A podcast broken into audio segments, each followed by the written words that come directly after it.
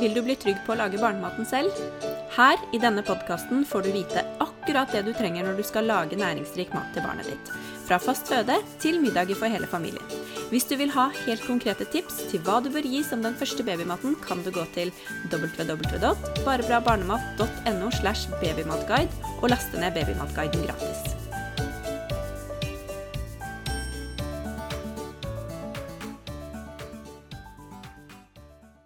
Tenker du at maten du gir barna dine er 100% trygg?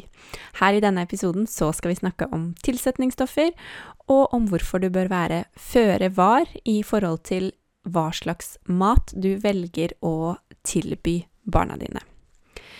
Nå, for uh, bare noen dager siden, så var det et tilsetningsstoff som heter titandioksid, som ble tidligere ansett som trygt. I flere tiår har vi ansett uh, dette tilsetningsstoffet som trygt. Det brukes i mat, is, hermetikk, bakeprodukter, dressing, tyggis, også i kosmetikk, godteri, som vi da har ansett som uh, trygt å bruke, som nå er vurdert til at det ikke lenger er trygt, fordi at det kan være kreftfremkallende.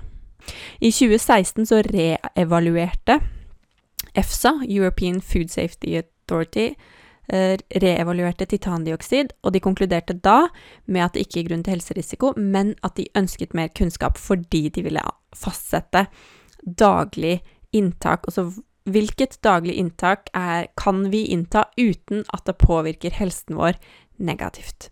Og i 2019 så ble det faktisk forbudt i Frankrike. Flere produsenter de fjerna også dette tilsetningsstoffet fra maten, men um, Idun Colgate og godteri fra Norgesgruppen var i hvert fall noen av de produktene hvor produsentene ikke ville fjerne stoffet.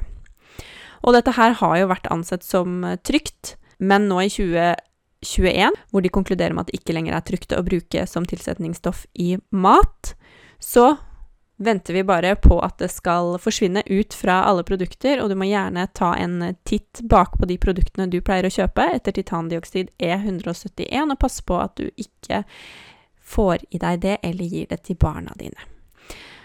Dette her er jo et eksempel, og dette ser vi hvis vi ser på historien også. Stoffer som har vært ansett som trygt. Så får vi ny kunnskap, eller det som eh, vi ser på som nok kunnskap. Et eksempel på det er jo Karaginan E407, som eh, vi har studier på hvor det viser at det kan skape tarminflammasjon. Og så er det allikevel lov å bruke i produkter i produkter vi gir barna våre, som pålegg, men også i is. Det er et tilsetningsstoff som brukes veldig mye hvis du begynner å se bakpå etter E407. Jeg vil anbefale deg å prøve å redusere det.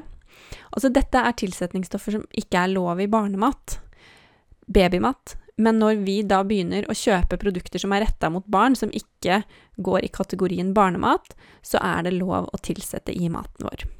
Vi vet jo at de første leveårene til barnet vårt er viktige for tarmfloraen, og at det skjer så mye de første årene, og vi bør være ekstra påpasselige da.